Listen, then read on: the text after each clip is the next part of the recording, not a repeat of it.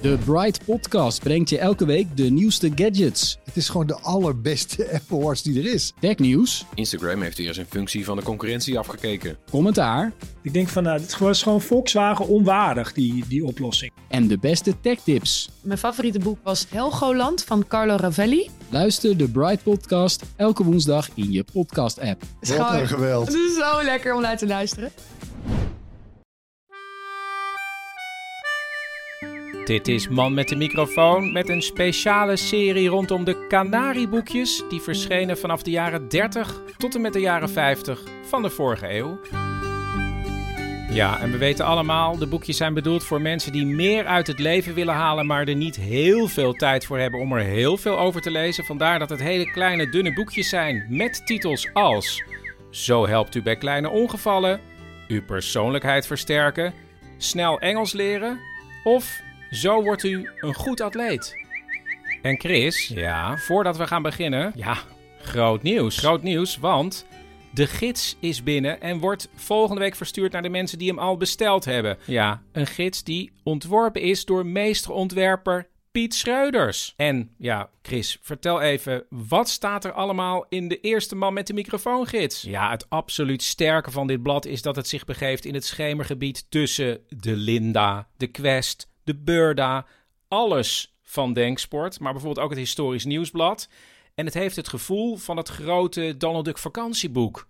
Want er staan puzzels in. Nou, Chris, wat nog meer? Nou ja, er zijn portretten van mensen die ooit voorkwamen in een aflevering van Man met de microfoon. Hoe gaat het nu met ze? Eh, er zijn ingezonden brieven. Er is een column van Dirk. Er is een grote prijsvraag waarbij de winnaar alle prijzen wint. Revolutionair. Paulien heeft een uniek breipatroon. Heel veel over de Canarieboekjes. Een hele aparte bijlage eigenlijk. Er zijn raadsels van Wiek. Er is Teuns tienerhoekje. Er zijn zeven verschillen gemaakt door eh, zoon Joep. En ik ga koken met mijn moeder uit het boekje 53 rauwkostgerechten. Er is gewoon te veel om op te noemen. En Jij kunt de gids ook bestellen. Precies. Want als je donateur wordt, Ja, voor 35 euro of meer, dan krijg je hem sowieso opgestuurd. Het collectors item van 2021. Ja, ga naar manmetdemicrofoon.nl en daar vind je de doneerknop. En eh, de doneerknop kun je ook gewoon vinden in de show notes. De afgelopen tijd heb ik verhalen van jullie verzameld rondom de Canarieboekjes. En ik heb ook één aflevering besteed aan het portretteren van iemand die zes van die boekjes besteld had. In een doosje. Wie was die man? Kun je horen in aflevering 49 op eigen kracht vooruitkomen. En ik raakte langzamerhand ook gebiologeerd eh, door de schrijvers van die Canarieboekjes. Wie waren dat dan? Er zijn heel veel eh, Amerikaanse boekjes die vertaald zijn, maar er zijn ook originele Nederlandse titels. Bijvoorbeeld eh, Met succes solliciteren en Wat u van Engeland moet weten. En allebei die boekjes die ik ook behandeld heb, zijn geschreven door Alfred Rodriguez. Maar wie was die man? Luister naar het verhaal van de man die geschaduwd werd.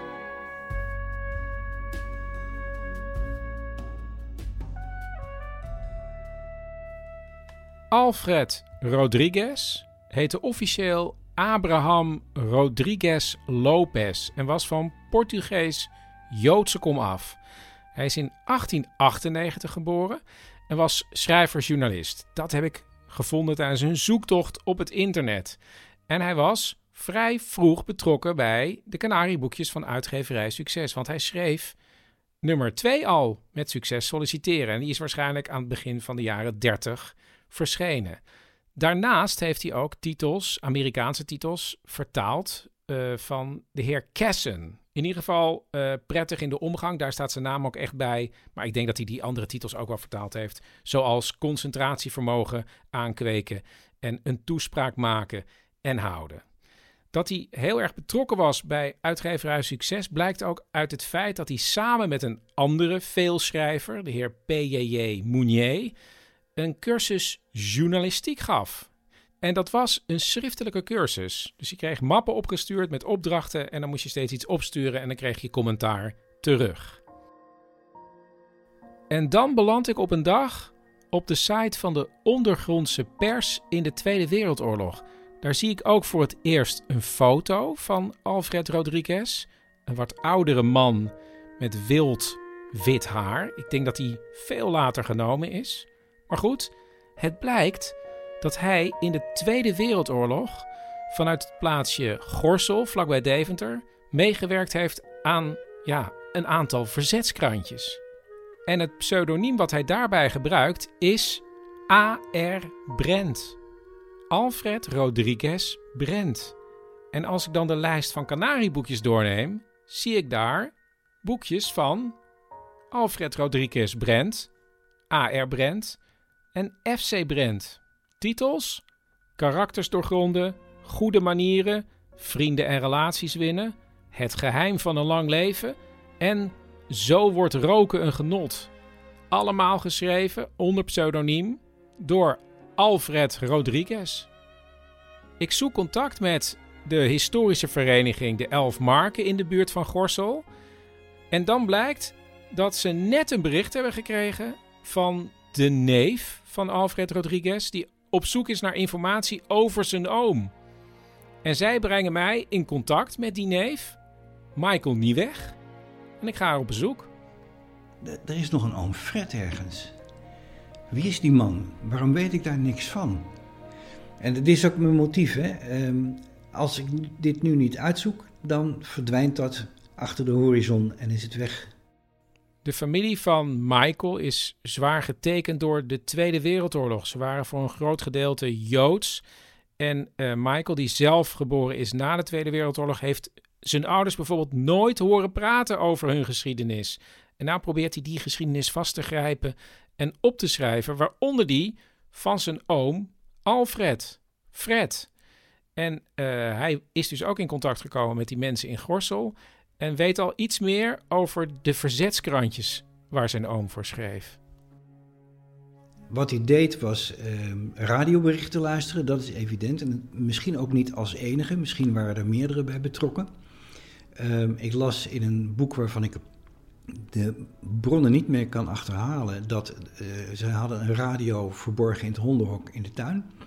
En daar, um, of die haalden ze binnen, maar dan luisterden ze. Hij schreef op een gegeven moment dagelijks, dus hij moet dagelijks geluisterd hebben.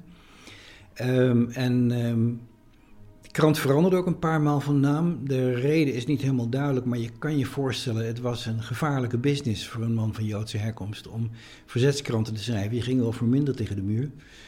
En vanaf wanneer tot wanneer is in die krantjes? Ik heb vanaf 344 heb ik materiaal. Dus in ieder geval vanaf 344 tot het einde van de oorlog schreef hij die krantjes? Ja, en Onfred is dus niet opgepakt. Um, maar uh, inmiddels denk ik dus, nu ik zeker weet dat hij in die tijd al onder de naam Brent en Rodriguez, uh, Alfred Rodriguez publiceerde. Um, hij, hij, was uh, veel minder verdacht, omdat hij al voor de oorlog onder die namen schreef. En tijdens de oorlog bleef hij gewoon doorschrijven onder die namen. Oom Alfred zat dus ondergedoken in een tuinhuis in Gorsel met zijn vrouw.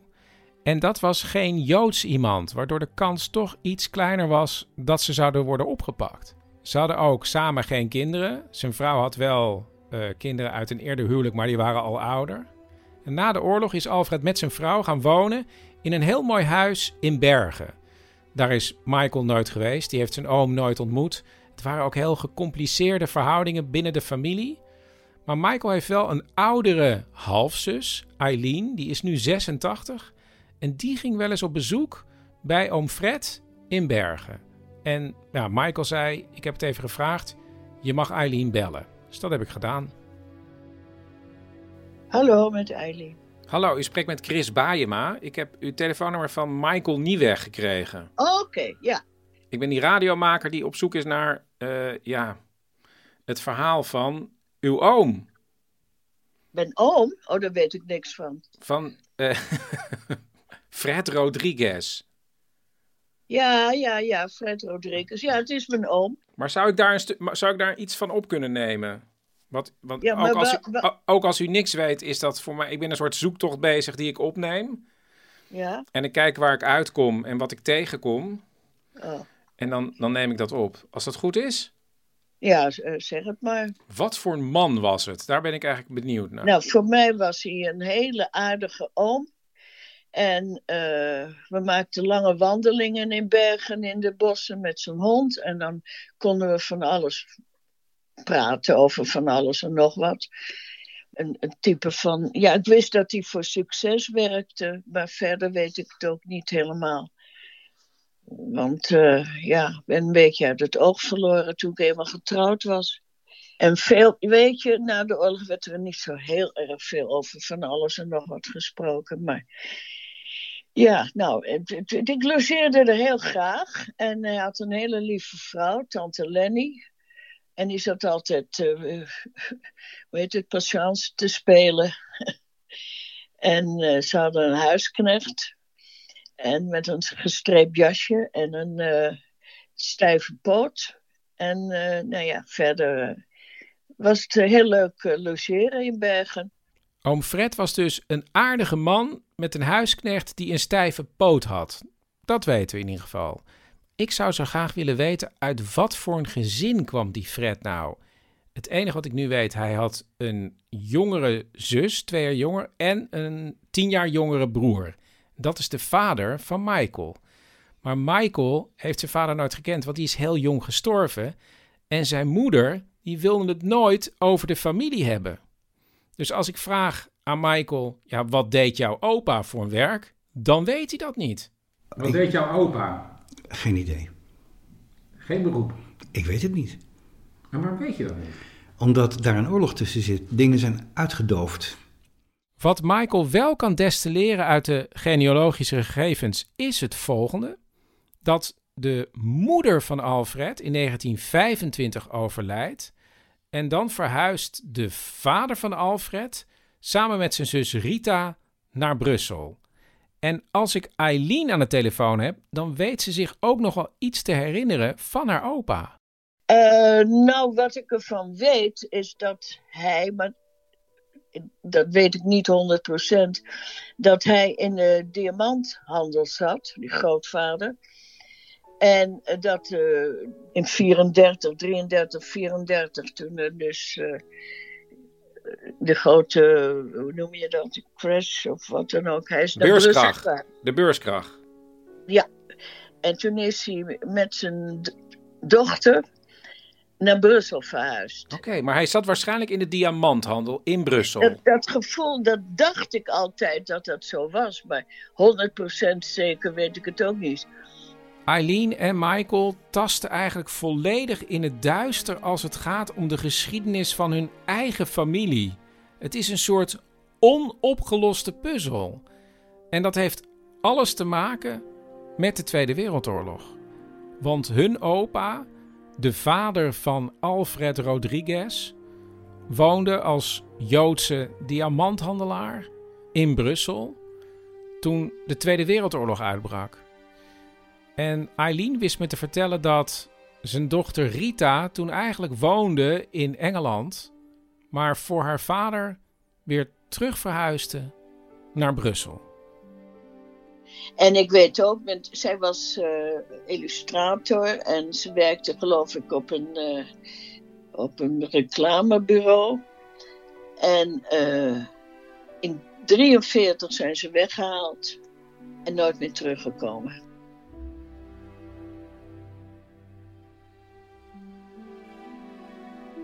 En daar weet ik verder ook niks. Ik weet wel dat eh oom Fred en mijn eh, vader nog gepoogd hebben om te, te weten wat er met ze gebeurd is. Ik heb zelf bij Yad Vashem samen met mijn dochter ook nog geprobeerd nog te kijken waar, maar misschien waren de namen anders. Ik weet het niet. Alfred Rodriguez verliest in de Tweede Wereldoorlog zijn vader en zijn zus, zit zelf ondergedoken en probeert na de Tweede Wereldoorlog zijn leven als schrijver, journalist weer op te pakken. Het beeld wat we nu hebben is een, is een studeerkamergeleerde, een, een intelligente man die over heel veel nadenkt, eh, waarschijnlijk ook veel leest, eh, gewend is om heel veel te schrijven, heel gedisciplineerd moet zijn, En dus, hij moet ook geld verdienen. En hij schrijft net zo makkelijk karakters doorgronden met baarlijke nonsens over korte en lange nekken. Als dat hij een, eh, interessant werkje schrijft over, eh, wat zullen we zeggen, hoe moet je solliciteren? Eh, met handige tips, of hoe moet je telefoneren? En dan schrijft hij af en toe een ander werk, waarvan je er daar een paar hebt liggen. Michael heeft al een kleine collectie opgebouwd van het werk van zijn oom. Die schreef naast de Canarieboekjes en vertalingen van Amerikaanse boeken voor uitgeverij Succes ook bijvoorbeeld een zakennovelle getiteld De Twaalf Werk van Hercules. Maar ook een echte detective. Voorzichtig behandelen. Volgens Michael, die het las, een wilde detective vol ruwheden, sluwe speurders, boosaardigheid, wendingen, geweld en een ingewikkeld plot. Ook niet onbelangrijk, het was Boek van de Maand van uitgeverij Bruna. Ehm, en zo, zo gaat het hem goed. En financieel zal hij het goed hebben kunnen doen. Voor een deel op het geld wat hij zelf maakte. Voor een deel op het geld van zijn vrouw. En misschien ook voor een deel op basis van zijn eigen erfenis. Er verschijnen na de Tweede Wereldoorlog nog een paar boeken. En het laatste boek is denk ik volgens Alfred Rodriguez zijn belangrijkste boek. En dat is getiteld Wereldfederalisme. En dat gaat ervan uit dat mensen ervan overtuigd zijn dat na de Tweede Wereldoorlog de wereld alleen maar in bedwang kan worden gehouden wanneer er één globale wereldregering komt.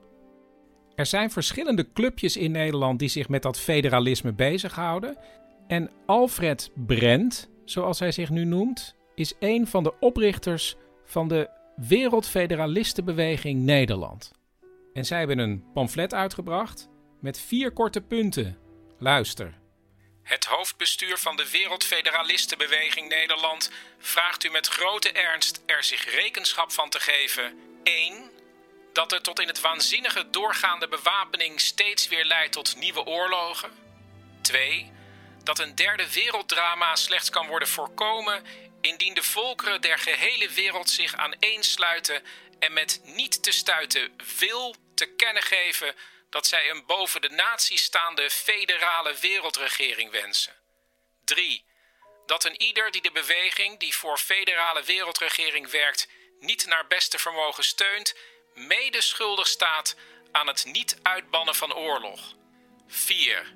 Dat laksheid ten deze onvergeeflijk is en gij moet inzien dat alleen een geweldige inspanning van het gehele volk kans geeft om het gestelde doel te bereiken. Alfred Rodriguez houdt zich tot zijn dood in 1970 bezig met dit wereldfederalisme. En in 1947 houdt hij een toespraak in Delft en daar verschijnt een klein artikeltje van in de krant. En dat artikeltje komt te liggen op de burelen van de Centrale Veiligheidsdienst, de voorloper van de Algemene Inlichtingen en Veiligheidsdienst in Nederland. Want ja, misschien zaten er wel communistische ideeën achter. In ieder geval hield men alle organisaties in de gaten die eventueel destabiliserend zouden kunnen zijn voor Nederland. En ik weet dit omdat die documenten beschikbaar zijn gesteld op het internet. Hier. Geheim. Naar aanleiding van uw terzijde vermeld schrijven, mogen ik u verzoeken een onderzoek te willen doen instellen naar A.R. Brent, genoemd in het als bijlage bij uw schrijven gevoegde knipsel van de Delse Courant DD 9 mei 1947. De resultaten van uw onderzoek, benevens, indien mogelijk, de personalia van betrokkenen, zie ik gaarne tegemoet. Het hoofd van de Centrale Veiligheidsdienst, namens deze J.G. Krabbendam. En dan, een maand later, is er een rapport geschreven over A.R. Brent.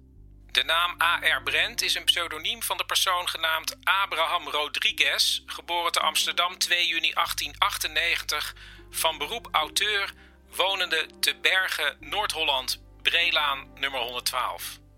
In de gemeente Bergen staat hij gunstig bekend. Hij heeft praktisch geen omgang met de dorpsbewoners. Hij staat echter in nauw contact met zekere Willems te Alkmaar, van wie mij geen nader adres bekend is, en met zekere Hogendijk, nader adres al hier onbekend. Rodriguez is vermoedelijk niet aangesloten bij enige politieke partij. Hij staat bekend als zeer pro-Engels en sterk anticommunistisch. Hoewel hij blijkbaar een federale wereldregering voorstaat, wordt door hem te bergen hiertoe geen actie gevoerd. Wel schijnt hij voor genoemd doel veel op reis te gaan naar grotere plaatsen als Schravenhagen, Rotterdam, Utrecht en Brussel. Kort geleden verscheen van zijn hand onder de naam Alfred Rodriguez Brent de vertaling en bewerking van een boek van de schrijver Herbert N. Kessen, dat onder de titel De kunst van beslissen werd uitgegeven door de Success Efficiency Bibliotheek te Schravenhagen en Gent onder bestelnummer 1169. De adjudant afdelingscommandant P. van Breukelen. Alfred Rodriguez was vooral internationaal bezig om een People's Congress van de grond te krijgen, een volkerenparlement. Maar in Nederland waren er dus veel meer kleine partijtjes ook bezig met dat wereldfederalisme, waaronder de vooruitstrevende partij Wereldregering. En die club die wilde in de Tweede Kamer komen als eerste stap op weg naar een wereldregering. Nu heeft historicus Melle van Damme onderzoek gedaan naar deze partij. Dus die heb ik even opgebeld en hem allereerst gevraagd hoe die bij dit onderwerp kwam. Ik, ik ben eigenlijk een beetje toevallig op, opgekomen omdat ik tijdens mijn studie op zoek was naar een goed onderwerp om, uh, een scriptie over te schrijven. En toen uh, ja, zag ik dat er een uh, politieke partij was die eigenlijk nog nooit door iemand was onderzocht. En ja, toen dacht ik, dat is een mooie kans. Toen ben ik daar gewoon ingedoken. Ja, maar wat wilde deze partij nou precies? Ja, eigenlijk heel uh, utopisch. Ja, grote idealen. Past ook wel een beetje zo ja, in die sfeer van net na de oorlog. Net na de bevrijding eigenlijk. Dat ja, hele grote toekomstverwachtingen waren. Van, we hebben al die oorlog meegemaakt nu. Misschien gaan mensen nu toch wel beseffen dat het op een hele andere manier moet. En daarin past eigenlijk het idee van die wereldregering. Ja, en heeft dat idee dan nog een geschiedenis?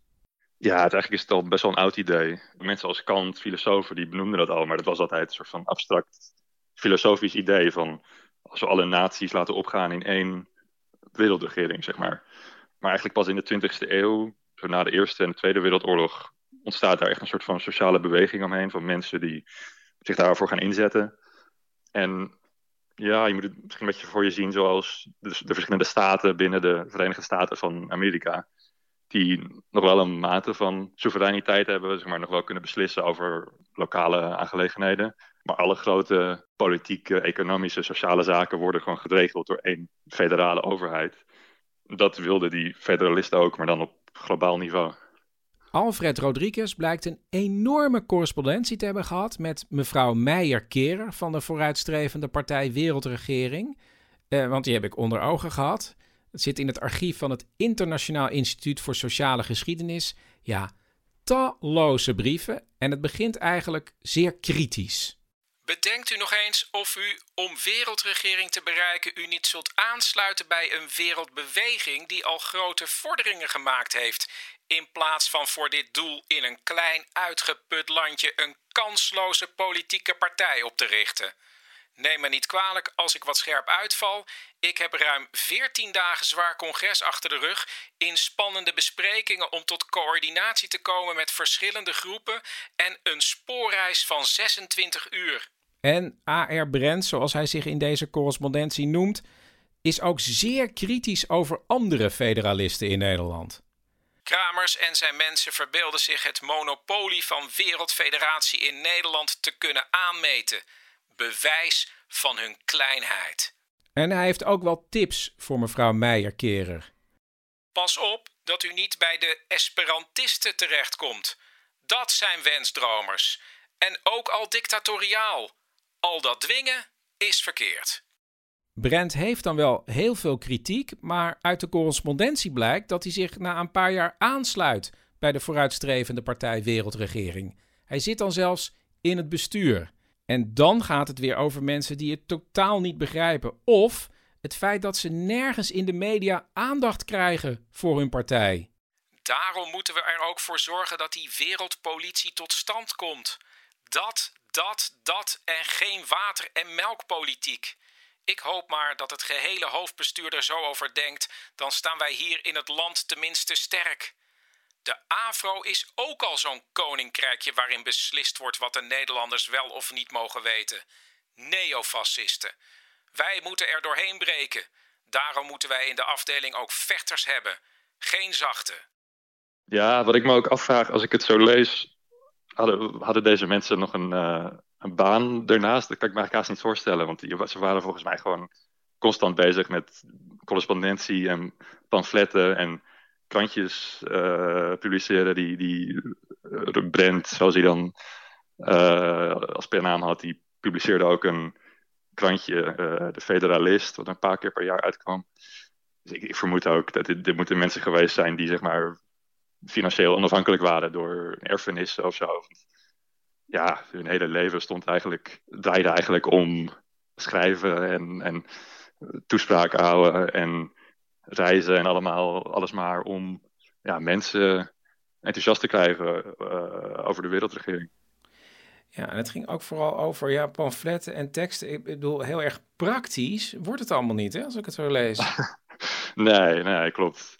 Nou ja, het meest, meest praktisch is dat ze af en toe een, een propagandaavond ergens organiseerden in een, in een café. En dan probeerden ze daar wat mensen te overtuigen. Maar ja, vooral heel veel geschreven inderdaad. Hebben ze ooit iets praktisch nog kunnen bereiken? Um, ja, ik denk het meest praktische is dat ze twee Kamerleden van de PvdA zover hebben gekregen om toe te zeggen dat zij voor de wereldregering zijn. Ja, verder, verder niet echt, nee.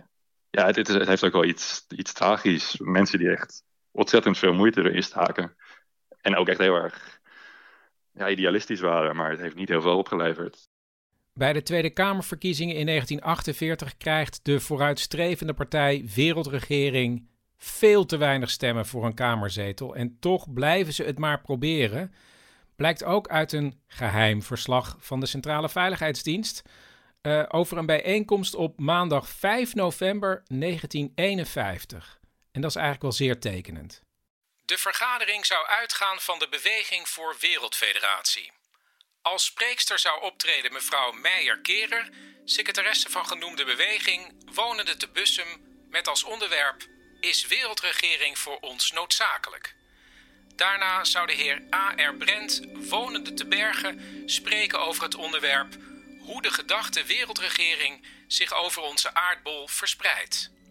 De vergadering, die om half acht zou aanvangen, kon geen doorgang vinden, daar geen enkele bezoeker was komen opdagen. Na dit geheime document uit 1951 vind ik niks meer over uh, Alfred Rodriguez. En het laatste wat ik heb is een interview uit 1970, gegeven in het Vrije Volk. Ik denk dat hij dat zelf georganiseerd heeft, want hij was toen ziek, hij had kanker en zou een tijdje later overlijden. En ja, in dat artikel is het wereldfederalisme nog springlevend. Het begint als volgt. Over vijf, hoogstens zes jaar zullen de Verenigde Naties een grote broer krijgen. De VN waar slechts afgevaardigden van regeringen hun stem laten klinken, zullen dan terdege rekening moeten houden met een andere stem, die van de wereldbevolking. En deze stem zal de algehele vrede oproepen. In Parijs is een comité van 26 dames en heren al enkele jaren bezig met de voorbereidingen van dit Congrès des Peuples, ofwel People's Congress, ofwel Volkerenparlement. Vooral niet te verwarren met Volksparlement, want het is geen sinds de bedoeling dat ook de zogenaamde gewone man eraan zal deelnemen. Een chirurg vraagt toch ook niet aan zijn werkster hoe hij een blinde darm moet opereren? Het congres zal langs strikt democratische weg gekozen worden, maar de kiezers moeten toch van een zeker niveau zijn. Mensen die zich in de zaak van de vrede hebben verdiept en er iets van weten. Als we zomaar iedereen toelaten, wordt het wat wij noemen mob rule. Met andere woorden, een rotzooi. Al dus de 72-jarige heer Alfred Rodriguez Brent, tot nu toe de enige Nederlander in het voorbereidingscomité. In het artikel lezen we dat Alfred Rodriguez Brent journalist en schrijver is geweest en al jarenlang betrokken bij het wereldfederalisme. Hoe zal het congres erin slagen om de regeringen van grote, machtige landen zijn wil op te leggen? Heel eenvoudig. We beschikken over genoeg goede mensen die de publieke opinie kunnen beïnvloeden. U moet de macht van regeringen niet overschatten. Dacht u dat de regering van bijvoorbeeld de Verenigde Staten zich zou durven keren tegen de wil van 60 of 70 miljoen kiezers? En als ze dat toch doet? Daarop is ons werk niet gericht. We moeten werken aan een wereld van vrede omdat een oorlog niet meer mogelijk is. Ik bedoel een totale oorlog, niet de kleine schermutselingen zoals Cambodja of het Midden-Oosten. Als een van de grote landen inderdaad de totale oorlog zou beginnen, ja, dan zijn we allemaal verloren. Het is een soort reliquie nog. Nou, dat weet ik niet. Het is een ideaal. Dus een ideaal is niet gebonden aan tijd. Um, um, het ideaal is toch nog steeds dat die natiestaten met elkaar, dat is ook het betoog van Fred, die, uh, die gaan allemaal uit van hun eigen belang. Nou, we hebben net een nieuwe president in de VS kunnen zien opstaan. En je weet wat, het, wat er gebeurt als iemand echt alleen maar voor het natiebelang staat, belang staat. We hebben in Europa ook een paar staten die dat knalhard doen. Dat geeft de wereld geen prettig aangezicht. Um, en, dus ik snap wel dat mensen dat ideaal koesteren. Um, of ik het nou realistisch ideaal vind, dat doet er niet zo toe. Uh, ik denk dat het vrij lastig is, eerlijk gezegd. Want uh, hij zegt in dat interview ook dat, de, dat een vergadering van generaals te velden, geloof ik, vergeleken bij een vergadering van de Wereldfederatie een tamme picknick is. dus hoe je het ook bent of keert, uh, in nazistaten organiseer je ook wat. En dat die dan onderling met elkaar op de vuist gaan. Nou ja, hoe ga je een wereldbestuur opzetten waarin dat dan niet gebeurt? Ik ging ervan uit dat de Wereldfederalistenbeweging Nederland na de dood van Alfred Rodriguez langzaam zou zijn verdwenen. Maar het gekke is, ze hebben nog wel een website. Die ziet er heel verouderd uit. En de telefoonnummers, ja, die geven geen gehoor. Op de e-mail wordt niet gereageerd. Maar via een stichting die op hetzelfde adres zit, krijg ik de penningmeester van de Wereldfederalistenbeweging Nederland aan de lijn. En die geeft me het nummer van de voorzitter Frans Mikkelinghoff. Chris. Hallo. Kunt u mij horen? Hallo? Hallo? Ja, uh, ik hoor je heel slecht. Een beetje ver zal ik nog... Ik bel nog wel een keer.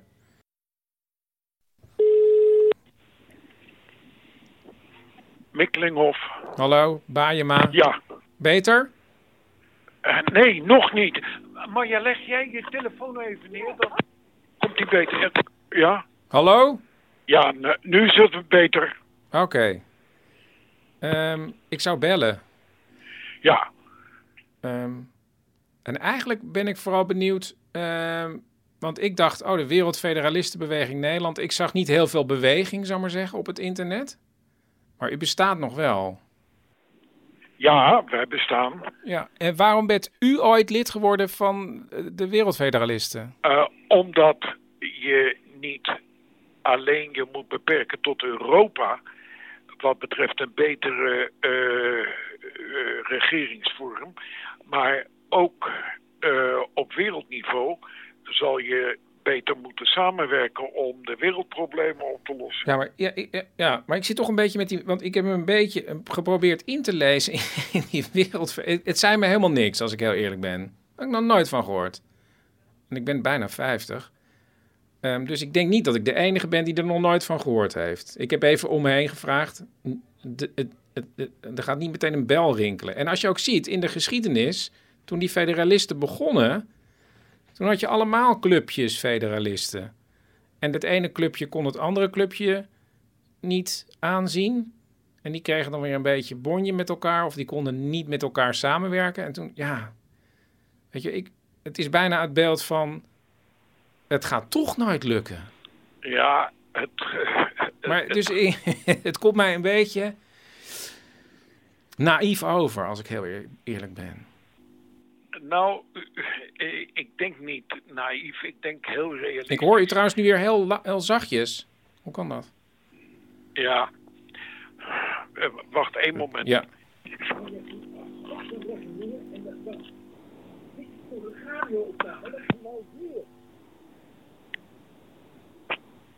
Is het nu beter? Ja, nu hoor ik je weer beter. Goed zo. Nou is het beter. Ja, want de, de samenwerking in huis gaat ook al niet heel goed. Nee, nee, nee. Nee, nee maar we, hebben twee ik we hebben twee telefoons. Oh ja, ja. Nee, nee, Ja. Ik, ja, maar ik wil ook geen cynicus zijn. Maar ik, ik hoorde dat eh, er zijn nog maar 50 leden van de Wereldfederalist. Nee, nee, iets van 150, 150 tot 200. Oké. Ja, vroeger was dat veel groter, waren er een paar duizend. Nee, nee, nee, nee, nee, dan heb je een verkeerd beeld. Want Oh. eh, na de Wereldoorlog eh, was de club eh, zo'n goede 50.000 eh, leden. Van federa- maar er zijn er dus nu nog 150 van over. Er zijn er nu ongeveer 150 van over, want zo vanaf eh, 75, 76 begon de afbrokkeling gestaag en rapide. Ja, het is bijna voorbij, denk ik, toch? Of wie, gaat u het licht uitdoen van de Wereldfederalistenbeweging Nederland? Of heeft u het idee dat het gewoon nog... Nou, wij, wij gaan zeker het licht niet aan eh, uit- uitdoen, u maar eerder aandoen. Oh, u gaat, ja.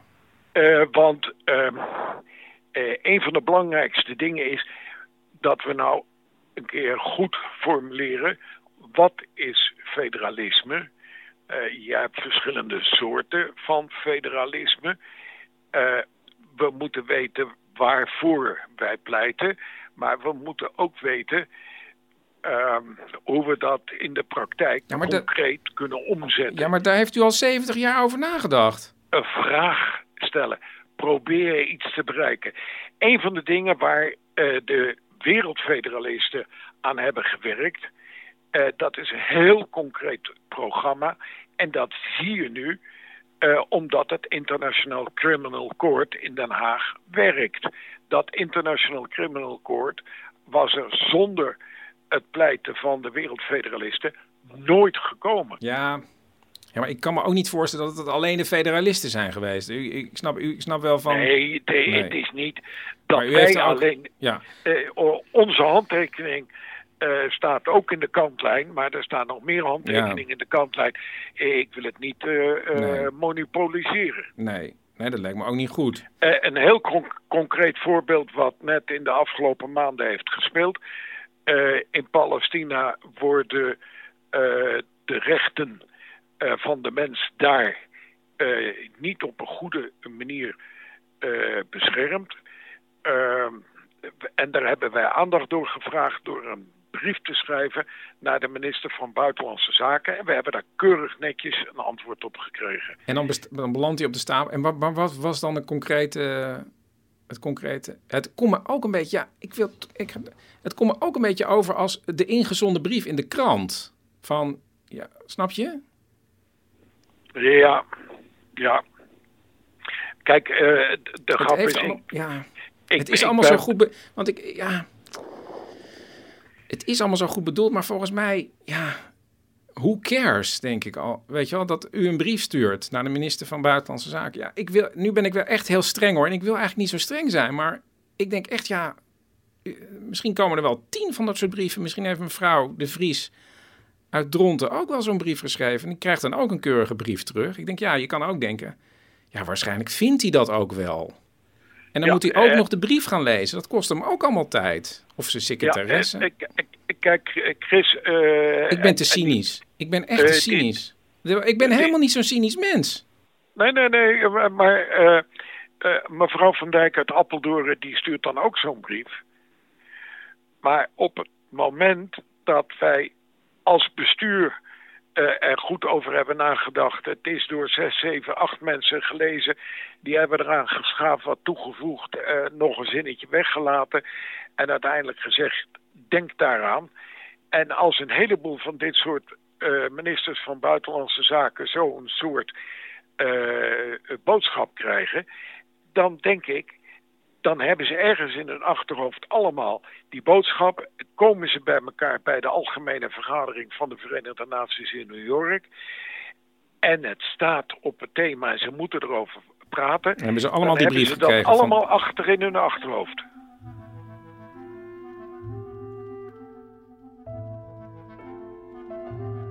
Maar eh, oké, maar wat is nou bij de laatste vergaderingen geweest dat u zegt, ja, dat punt, dat nou, wij, eh, dat Want is het opstellen van de tekst eh, voor een ledenwerffolder. Eh, Oh. alle, alle leden worden gevraagd mee te denken aan welke tekst in een folder om leden te werven, hoe moet die tekst eruit zien? Kijk, zo'n tekst in een folder of brochure, daar ben ik zelf ook wel eigenlijk naar op zoek. Want misschien wordt het me dan toch iets duidelijker allemaal. Ja, het kostte trouwens ook weer een paar mails heen en weer voordat ik de draft toegestuurd kreeg. Ja, en als ik hem lees, het voorbeeld, ja, dat vind ik ook nog steeds niet heel erg wervend. Neem maar bijvoorbeeld dit. Er is helaas een wijdverbreide opvatting die zegt dat de politiek problemen moet oplossen. De WFBN ziet veel meer in de toepassing van het recht. Oké. De politiek moet zich juist niet met mensenrechten bemoeien. Gewone mensen zoals u en wij zijn daarvoor nodig. Dat kan alleen als wij op plaatselijk, regionaal, landelijk en mondiaal niveau een grondwet hebben waar iedereen een beroep op kan doen. Die grondwet is er nog niet en zolang dat het geval is, worden initiatieven gedwarsboomd door lieden die de baas willen spelen. Ja, nou ja, zo'n brochure. Ik heb het ook nog even voorgelegd aan eh, Melle van Damme, de historicus. De brochure. Zou daar niet een kanarieboekje eh, voor bestaan over hoe je Een goede brochure een schrijft. pakkende, pakkende brochure moet schrijven? Ja, maar die bestaat. Die heb ik hier achter me staan. Echt? Ja, wacht even. Kijk even. Ja, ja. Zo schrijft u teksten en brochures. En weet Is je die, ook- is, die, is die geschreven door die Rodriguez? Ja? Ik heb hem hier nu in mijn hand. Geel succesboekje nummer 24. Zo schrijft u teksten en brochures. Door Alfred Rodriguez. Nou ja, dat moet ik misschien dan maar eens toesturen. Dat, ja, dat zouden ze wel kunnen gebruiken. Dit was aflevering 59 van Man met de Microfoon. Man met de Microfoon wordt mede mogelijk gemaakt door Theater de Kleine Comedie in Amsterdam. Speciale dank bij deze aflevering gaat naar Michael Nieweg. En wil je nou nog een ander verhaal horen van een van de veelschrijvers van de Canarieboekjes? Zo'n verhaal staat in De Man met de Microfoongids. Ga snel naar de show notes, daar is een doneerknop. En als je 35 euro of meer doneert, dan krijg je die gids zo snel mogelijk opgestuurd. Verspreid dit programma via de socials en reacties naar manmetdemicrofoon.gmail.com.